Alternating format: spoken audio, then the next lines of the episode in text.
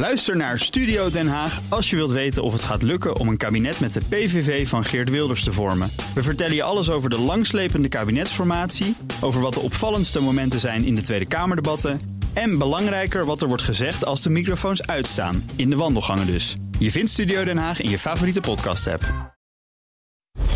BNR Beurs wordt mede mogelijk gemaakt door Bridge Fund. Make money smile.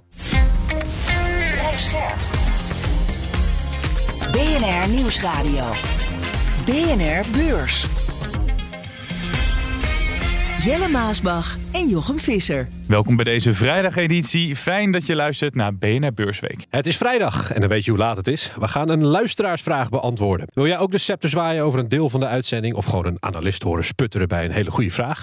Stuur je vragen dan naar bnrbeurs.bnr.nl. Het is vrijdag 2 juni, de dag dat de leider van de vrije wereld weer eens onderuit ging. Het was alweer even geleden een Amerikaanse president die onderuit gaat. Ja, bij een diploma-uitreiking aan de US Air Force Academy in de staat Colorado struikelde Biden op het podium. Gelukkig hebben wij Stan Westerterp van Bond Capital Partners. Hij is onze gast vandaag. In de Verenigde Staten is het, ondanks die valpartij, toch goed afgelopen. On this vote, the yeas are 63, the nays are 36. The 60 vote threshold having been achieved, the bill is passed. Amerika is geen wanbetaler. Ook de Senaat stemt in om het schuldenplafond te verhogen. Stan, welkom. Uh, ben jij opgelucht dat ze eruit zijn gekomen? Ja, aan de ene kant wel, aan de andere kant niet. Kijk, uh, dit is natuurlijk een dilemma dat één keer in de zoveel tijd terugkomt. En we zien ook altijd dat het uh, opgelost wordt. we weten nog dat in 2011, toen was het natuurlijk echt even, even paniek. Toen ook de downgrade kwam van Amerika, door S&P meen ik. Um, en ja, nu ook hè, op het laatste moment komen dan toch de partijen bij elkaar. Er is mm. flink over onderhandeld. Maar als je naar de markt keek, dan is er nooit echte paniek geweest zoals dat zeg maar destijds was. Uh, er is wel wat druk geweest op de aandelenmarkten, maar uiteindelijk ging iedereen er wel vanuit dat dit, uh, ja, dat dit akkoord er zou komen. Even los van de inhoud. en je ziet dat dus ook nu de aandelenbeurzen toch wel enigszins opgelucht reageren. Maar het is ook niet zo dat we procenten hoger staan op dit moment. Nee, we hebben het er zo meteen uitgebreider over. Maar er gebeurde meer vandaag, zoals bij Netflix. Daar hebben aandeelhouders geen zin in de beloning van de directie. Ze stemden tegen het voorgestelde beloningspakket. Het is niet bindend, het bedrijf hoeft er niks mee te doen. Maar de uitslag is wel symbolisch, want het komt net na de staking van scriptschrijvers. Stan, is het dat, die staking, of is er bij Netflix meer aan de hand? Waarom zijn die aandeelhouders uh, zo chagrijnig? Ik denk wel dat het een deel te, te wijten is inderdaad aan de staking van die scriptschrijvers. Hè. Die hebben ook aandeelhouders de afgelopen tijd uh, proberen te mobiliseren. En ze echt opgeroepen van, joh, stem nou eens tegen die salarisverhogingen. Want het is een beetje duaal dat aan de ene kant de CEO's... en Netflix heeft twee, twee CEO's, co-CEO om het zo te zeggen... Uh, dat die meer geld gaan verdienen en al belachelijke salarissen krijgen. En dat wij bij wijze van spreken om, om dollars per uur aan het vechten zijn. Ja. Um, en daar hebben toch veel aandeelhouders naar, naar geluisterd. En hebben dus inderdaad tegengestemd. Alhoewel het een, uh, een niet bindend advies is. Dus uh, ze kunnen het naast zich neerleggen als ze willen bij Netflix. Hebben ze de vorige keer gedaan. Maar aan de andere kant kan je als bedrijf elke keer die aandeelhouders negeren. Is het slim om ze uh, tegen je in het harnas te jagen? Ja, kijk, uh, op het moment dat jij het van belang vindt uh, als raad van commissarissen, zeg maar, om je CEO's aan boord te houden. En dat lukt alleen door ze deze compensatie te geven. Ja, dan kan je dat, uh, dat advies natuurlijk negeren van aandeelhouders. Maar je hebt ze naar de toekomst toe wel nodig. En je moet oppassen dat je ze niet te veel tegen je in, het harnas jaagt. Want straks komt er een keer een stemming waar je wel de absolute meerderheid bij nodig hebt. En als ze dan de hak in het zand zetten, ja, dan kan je wellicht grotere problemen hebben. Dus ik kan mij wel voorstellen dat ze misschien dit ehm, ja, ook in het kader van die stakingen die screenwriters dat ze dit, uh, ja. dit toch wel enigszins nog zullen, zullen aanpassen. Wat zegt jou dat als vermogensbeheerder als je dit zo ziet bij een, een Netflix? Nu valt het mee, dit is de tweede keer. Maar als er toch lichte opstand in de tent is? Nou ja, dat is meestal niet zo fijn. Hè? Je wil als belegger eigenlijk uh, in bedrijven zitten die een beetje saai zijn. Saai is vrij, zeggen we altijd wel. En dat betekent dat ze niet met uh, chocoladeletters op de voorpagina van, van de kranten moeten staan. ja, dit is wel nieuws dat weer hè, de aandeelhouders en management zeg maar rollenbollend over straat. Dat is meestal niet zo fijn. Nou moet ik zeggen dat bij dit soort bedrijven, uh, ja, er gebeuren er wel vaker uh, dingen die, uh, ja, waar het moeilijk is om van tevoren in te schatten waar het naartoe gaat. Mm. Maar ik denk niet dat we als aandeelhouders ons meteen zorgen hoeven te maken over de koers van Netflix. Daarvoor is veel meer nodig dan, dan een akkefietje tussen aandeelhouders en management. Ja. Er zijn twee CEO's. Ted Sarandos, die willen ze 40 miljoen geven. Dat is dan basissalaris, bonus en aandelenopties. Greg Peters, die krijgt bijna 35 miljoen dollar. Stan, Ik vind het niet weinig. Is dat een redelijke vergoeding voor een bedrijf wat subscribers bloedt? Uh, ja, dat is, dat is, een hele goede vraag. Nee, kijk, je, je, zou dat eigenlijk moeten vragen, natuurlijk nogmaals aan, aan de board of directors, of, of zij vinden dat die CEO's goed werk leveren. Uh, nou moet ik zeggen, als we naar de koers kijken van Netflix, dan hebben we daar natuurlijk vorig jaar een, echt een krater gezien. Uh, toen, wat je ja. zei, dat de, de subscriptions ja. flink aan het dalen waren. Dat was voor het eerst in tijden, of eigenlijk ooit, dat we dat bij Netflix zagen. Maar sinds een jaar lijkt het schip toch wel een beetje gekeerd. En uh, zie je dat de koers ook weer gestaag aan het oplopen is. We staan toch weer boven de 400 dollar. Dus in die zin uh, doen de CEO's het, uh, het vrij redelijk, moet ik eerlijk zeggen. En hebben ook wel wat strategische veranderingen bij Netflix doorgevoerd. En dat lijkt volgens nog goed uit te pakken. Ja, welke, welke vergoeding daar dan tegenover staat. Um, dat is een goede vraag. Uh, het zal altijd te veel zijn, maar sommigen zullen ook argumenteren dat het te weinig is. Uh, dit soort bedragen zijn we wel gewend bij Amerikaanse nou, bedrijven. te weinig, 40 miljoen. Maar kijk eens, kijk eens bijvoorbeeld wat Tim Cook van Apple de afgelopen tien jaar mee naar huis heeft genomen. Ja, oké. Okay. En Jamie Dimon minder. vergelijken. ja. Precies. Maar het, nogmaals, het zijn bedragen die, waar we in Nederland echt van, van, ja, van, van, van, van met onze oren staan te klapperen. Alhoewel we ook wel een paar CEO's hebben die boven, dik boven de 10 miljoen gaan. Maar het zijn bedragen die niet meer passen bij natuurlijk wat de gewone man in de straat zeg maar, verdient. Of die voor zo'n bedrijf werkt. Of inderdaad die, die screenwriters, wat die krijgen. Um, ja, die verhouding is volledig zoek. Dat ben ik wel met je eens. Is het, is het inderdaad een interessant aandeel? Ik zie het veel stijgen de laatste paar dagen. Ja, ik vind het. Nou, wij hebben het uh, een tijd geleden in portefeuille opgenomen. Eigenlijk vorig jaar nadat, nadat het die, enorme tik had gekregen. En toen zag je echt wel dat er overdreven werd. Hè. Het, je zegt zelf al, hè, het aantal subscriptions nam af. Maar het blijft wel een subscription model. En dat is natuurlijk heel interessant financieel om naar te kijken. Bovendien kwam er veel winst uit, uh, uit dit bedrijfsmodel. En zie je wel dat Netflix nog steeds uh, ja, de marktleider is op het gebied van streamingdiensten. met andere woorden, de omzet ja, die loopt nog gewoon aardig door op basis van het abonnementsmodel. En ook de winstgevendheid die daarbij hoort onderaan de streep. die is gewoon echt wel heel erg goed te noemen. Dus wat dat betreft, qua waardering was het echt te ver doorgeschoten. En vind ik het ook niet gek dat je weer op deze normalere koersen uit begint te komen. Het is wel de vraag, en daar is nog iets te vroeg voor om al die strategische reviews zeg maar, die ze hebben gehad, uh, of die, uh, of die uh, ook echt ervoor zorgen dat de groei, zowel topline als bottomline in het bedrijf blijft zitten. maar ik vind het zeker een interessant aandeel en wij hebben het dus ook in portefeuille. alleen we gaan wel met, ja, met zeer veel interesse kijken naar hoe de komende kwartalen de cijfers zich gaan ontwikkelen. En dan naar de rente, want gaat de Fed de renteverhogingen pauzeren? Beleggers lijken erop te rekenen dat de Amerikaanse centrale bank de komende renteverhoging een keertje overslaat. Donderdag sloot de Amerikaanse beurs hoger, mogelijk omdat ze gokken op een centrale bank die even pas op de plaats maakt. Denk je dat ook, uh, Stan? Net als uh, sommige beleggers? Kijk, als je kijkt uh, naar de Fed Watch, dan zie je inderdaad dat ongeveer de helft verwacht nu dat er geen renteverhoging komt 14 juni. Er zijn meer dan 300.000 banen bijgekomen de laatste maand. Dat betekent dat de werkgelegenheid in Amerika nog steeds heel erg ja, goed draait. en dat is natuurlijk reden extra voor de Fed om toch te kijken of ze, of ze wel of niet op de rem willen trappen. Nou is de verwachting dat 14 juni nogmaals, als de volgende vergadering is dat de rente niet verhoogd zal worden. Maar je ziet wel dat de markt al een beetje aan het draaien is. Van eerst gingen we er vanuit totaal niet verhogen en daarna verlagen in de rest van het jaar.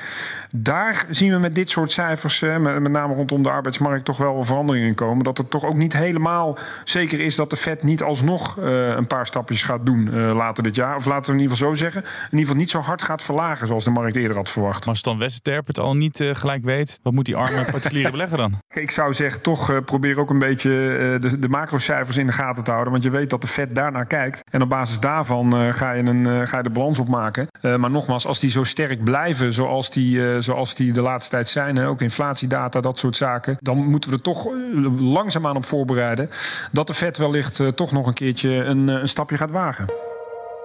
En dan is het tijd voor de luisteraarvraag. Uh, deze vraag komt van Rogier. Dank daarvoor. Hij wil zijn geld voor vijf jaar vastzetten, maar ziet ook de rentepauze van de Fed waar we het net over hebben en een mogelijke recessie boven de markt hangen. Stan, wat is het beste voor de komende vijf jaar? Interessante periode. Een mandje obligaties, een mandje aandelen of gewoon cash voor 4% laten renderen? Oeh, cash voor 4%, waar krijg je dat? Dat vind ik dan al de eerste interessante vraag. Nou, deze uh, heer heeft duidelijk toegang aan. tot de money markets uh, stand. Nee, kijk, ik zou... Uh, de, want op de spaarrekening krijg je dat in ieder geval niet. En dat versta ik dan toch onder cash. Mm. maar kijk, voor alle duidelijkheid, op een lange termijn... en dat heeft de historie ook altijd uitgewezen... zijn aandelen nog steeds interessant. Of meestal het interessantste. Hè. Hoe langer de periode wordt... eigenlijk is dan aandelen altijd de preferred category. maar je moet wel zeggen, als je ervan uitgaat dat inderdaad uh, de rente uh, verlaagd gaat worden. en je verwacht tevens een, een aardige recessie. ja, dan zou het toch wat beter kunnen zijn om richting vastrentende waardes te gaan. Cash vijf jaar lang vind ik wel heel erg lang. Maar obligaties inderdaad, dat, dat zou dan meer logisch zijn.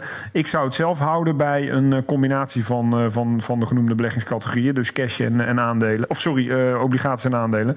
Maar dan wel zeker weten dat je dat geld ook daadwerkelijk niet nodig hebt. En dan zul je zien dat dat over een langere termijn altijd een wat beter rendement oplevert dan, uh, dan het cash op de bank te laten staan. Wil jij ook met je vraag in de uitzending? Stuur hem in naar bnrbeurs.bnr.nl. Het mag via een spraakbericht.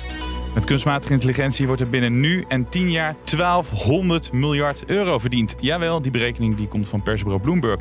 Maar hoe ga jij er als belegger aan verdienen? Dat hoor je zo. Het was met weekje wel. De week waarin Nvidia door de grens van 1000 miljard dollar brak. Het AI-bedrijf was op dat moment het zesde bedrijf met een beurswaarde van 1000 miljard of meer. Ook de week waarin Elon Musk zich weer de rijkste van de wereld mag noemen. En Unilever een headhunter moet inhuren. Het bedrijf moet namelijk op zoek naar een nieuwe CFO.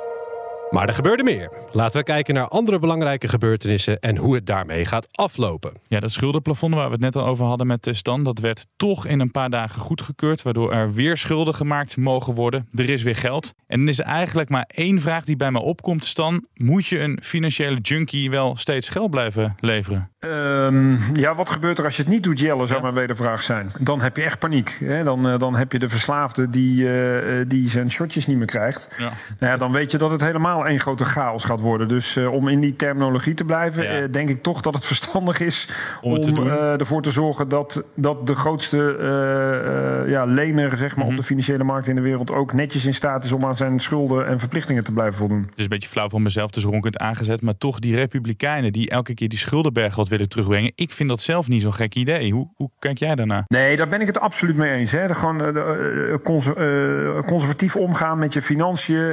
Ervoor zorgen dat je inflatie ook niet te hoog oploopt. En inderdaad gewoon, ja, weet je, er is ook zorgen voor de financiële garanties zeg maar, en stabiliteit voor de dag van morgen. Daar kan ik mij heel ver in vinden. Tegelijkertijd staan daar vaak inderdaad de democraten tegenover.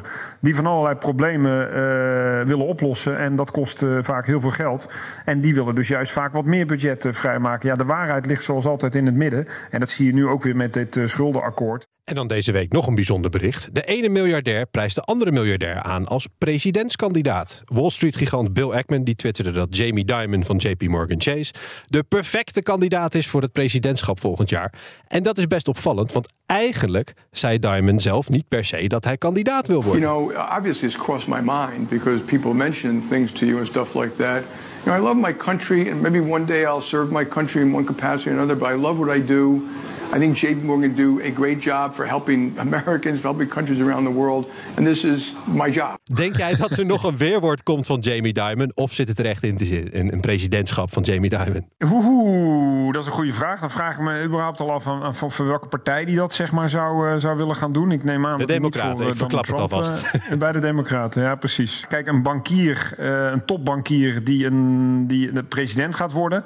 laten we het zo zeggen, in de zakenwereld kun je dingen makkelijker voor elkaar krijgen en sneller en efficiënter dan in de politiek. En als je gewend bent om met je vuist op tafel te slaan en zo gebeurt het, dan denk ik dat je van een koude kermis thuis komt. Van de andere kant, het zou ook wel eens goed zijn om inderdaad uh, een keer iemand die uh, gepokt en gemazeld is in de zakenwereld, uh, zeg maar, achter het bureau te zien zitten. En dan bedoel ik niet Donald Trump, maar een, maar een bankier inderdaad.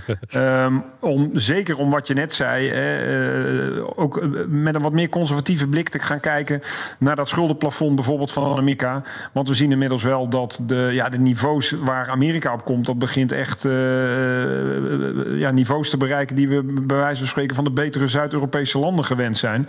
Uh, en begint wel echt, uh, echt, echt ja, serieuze vormen aan te nemen. En de vraag is wanneer Amerika een keer wat gas gaat terugnemen om ervoor te zorgen dat het, dat het wat meer in balans gaat komen. En ik denk dat het dan niet zo slecht zou zijn, ook al is het, zou het een democraat zijn, om een bankier te hebben die weet hoe belangrijk het is om financiële stabiliteit te hebben vandaag maar zeker ook voor morgen. Zoals ook de week van de Nederlandse banken. Die hoeven namelijk minder streng te controleren op witwassen. Dat spraken ze af met toezichthouder de Nederlandse bank. En daar zijn banken blij mee.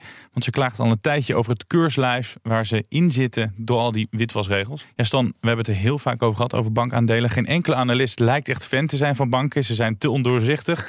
ben jij hier wel blij mee dat dat ja, dat die kosten mogelijk wat meer naar beneden gaan. Dat ze wat minder toezichten hoeven te houden? Ja, dat is wel echt een opsteker hoor. Ik, ook in, in, mijn eigen branche hebben wij hier mee te maken met uh, controles op witwassen. En ja, je ziet, dit is echt wat mij betreft een, een, een onderdeel van toezicht dat een beetje doorgeslagen was. Uh, dat we probeerden met een zeef van allerlei ja, malversaties eruit te zeven. Maar eigenlijk was ja, het medicijn erger dan de kwaal. Omdat je gewoon ziet dat daardoor allerlei ja, bedrijven, banken in problemen kwamen. De, de procedures die ellenlang duurden, volledig niet meer efficiënt zijn. Uh, zelfs hele sectoren die geen bankrekening meer konden krijgen door dit soort gedoe en controles. En ik denk inderdaad dat het goed is dat we daar, of dat de toezichthouder daar een beetje op de rem trapt. om wat meer realiteitszin erin te brengen. En ervoor te zorgen dat ook banken ja, eigenlijk toch wat meer op hun kernactiviteiten soms ook kunnen, kunnen focussen. En dat is uiteindelijk natuurlijk gewoon ja, het, het, het in- en uitlenen van geld. BNR Beurs. Dan naar het woord van 2023. En een woord dat we de komende jaren nog heel vaak gaan horen. It uses artificial intelligence. AI technology. Artificial intelligence. AI, kunstmatige intelligentie. En daar wordt gigantisch veel geld mee verdiend. Volgens een analyse van persbureau Bloomberg is die markt binnen nu en 10 jaar goed voor een bedrag van, dan hebben we het even in dollars, 1300 miljard dollar. Dat is nu nog slechts 40 miljard. Stan, ben jij al een beetje AI-moe of Word je hier nog opgewekt van, van dit soort onderzoek? nee, ik zie wel zelf ook de. Ik bedoel, ik heb ook standaard ChatGPT openstaan om, uh, om de moeilijke vragen zeg maar, van het leven te stellen. En voor deze uitzending. Uh, maar. Sorry? Voor deze uitzending ook antwoorden of dan niet? Ja, voor deze uitzending ook. Ja hoor, gewoon intikken en je krijgt vanzelf het antwoord. Dus ik ben het nu aan het voorlezen wat ik, uh, wat ik zeg. Ja. Nee, het is, uh, het is... Kijk, AI is natuurlijk ontzettend razend interessant. En je kan, uh, de, de, het spreekt tot de verbeelding. En je kan echt wel zien dat sommige sectoren structureel zullen veranderen... door die opkomst van AI. Mm -hmm. maar als zo, zoals zo vaak bij iets trendmatigs...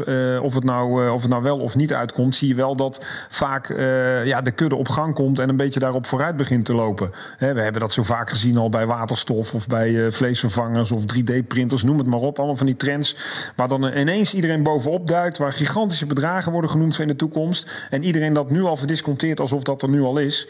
Um, ja, ik denk dat dat een beetje overdreven is. Uh, maar dat AI een hele belangrijke um, ja, toepassing uh, gaat worden in de toekomst, dat zien we nu al. En dat het alleen maar groter wordt, dat lijkt me, dat lijkt me evident. Ja, en de spelers die daarbij horen, dat zijn alleen al wel de jongens die ook al gearriveerd zijn zeg maar, in de wereld. Um, en de kleinere die zullen het, uh, ja, die zullen het moeilijk hebben om, uh, om de grote jongens bij te houden. Omdat er gigantisch veel uh, ja, kennis, know-how en investeringen voor nodig zijn om, om dit op gang te zetten. Die grote jongens waar jij het over hebt, Amazon, Microsoft, Alphabet, die lopen voorop, die zijn ja. dominant. Zijn dat ook de aandelen dan die je dus moet hebben? Ja, en die zijn natuurlijk al dominant op allerlei gebieden. Hè? Op, op, op, op search, op operating software, op uh, clouddiensten, noem het allemaal maar op. Uh -huh. En daar komt AI nu bij. Um, en inderdaad, dat zijn wel de, de jongens die ook natuurlijk de budgetten hebben om ervoor te zorgen dat ze uh, ja, ahead of the pack blijven, om het zo maar te zeggen.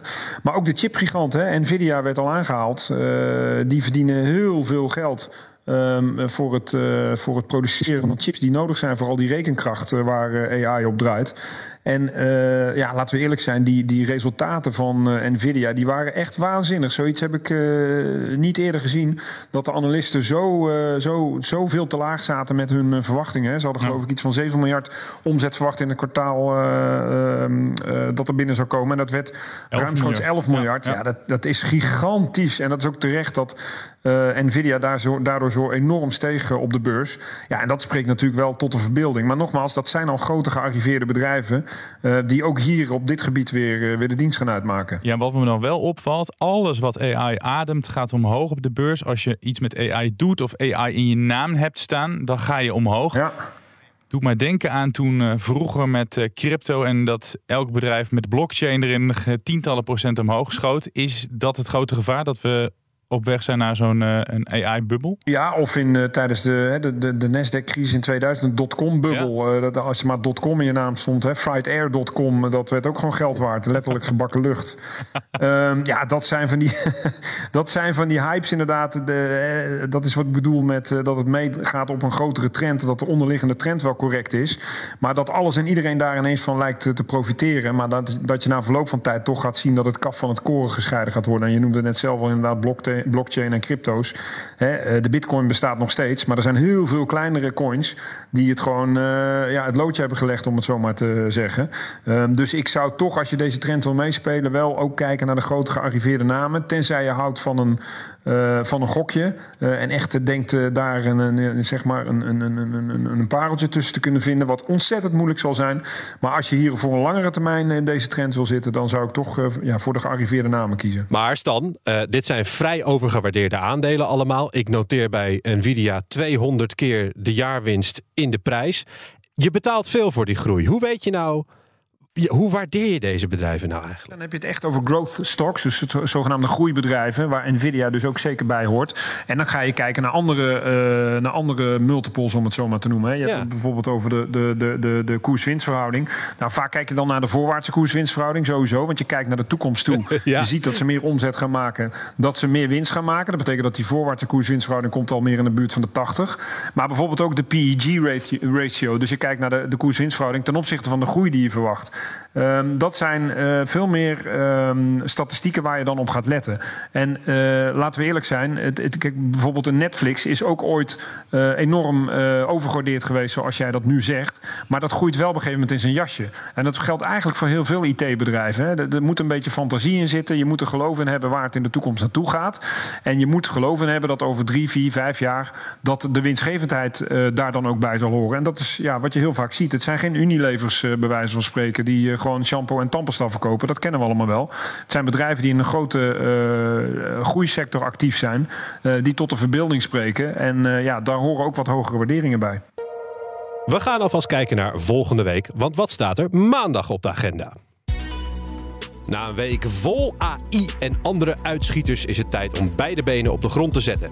Dat doen we met de inkoopmanagers, want verschillende landen publiceren vandaag hun barometer voor de dienstensector. Wereldwijd komen landen gedurende de dag met hun cijfers. Fijnproevers kunnen in de ochtend ook al een blik werpen op de internationale handelscijfers voor Duitsland.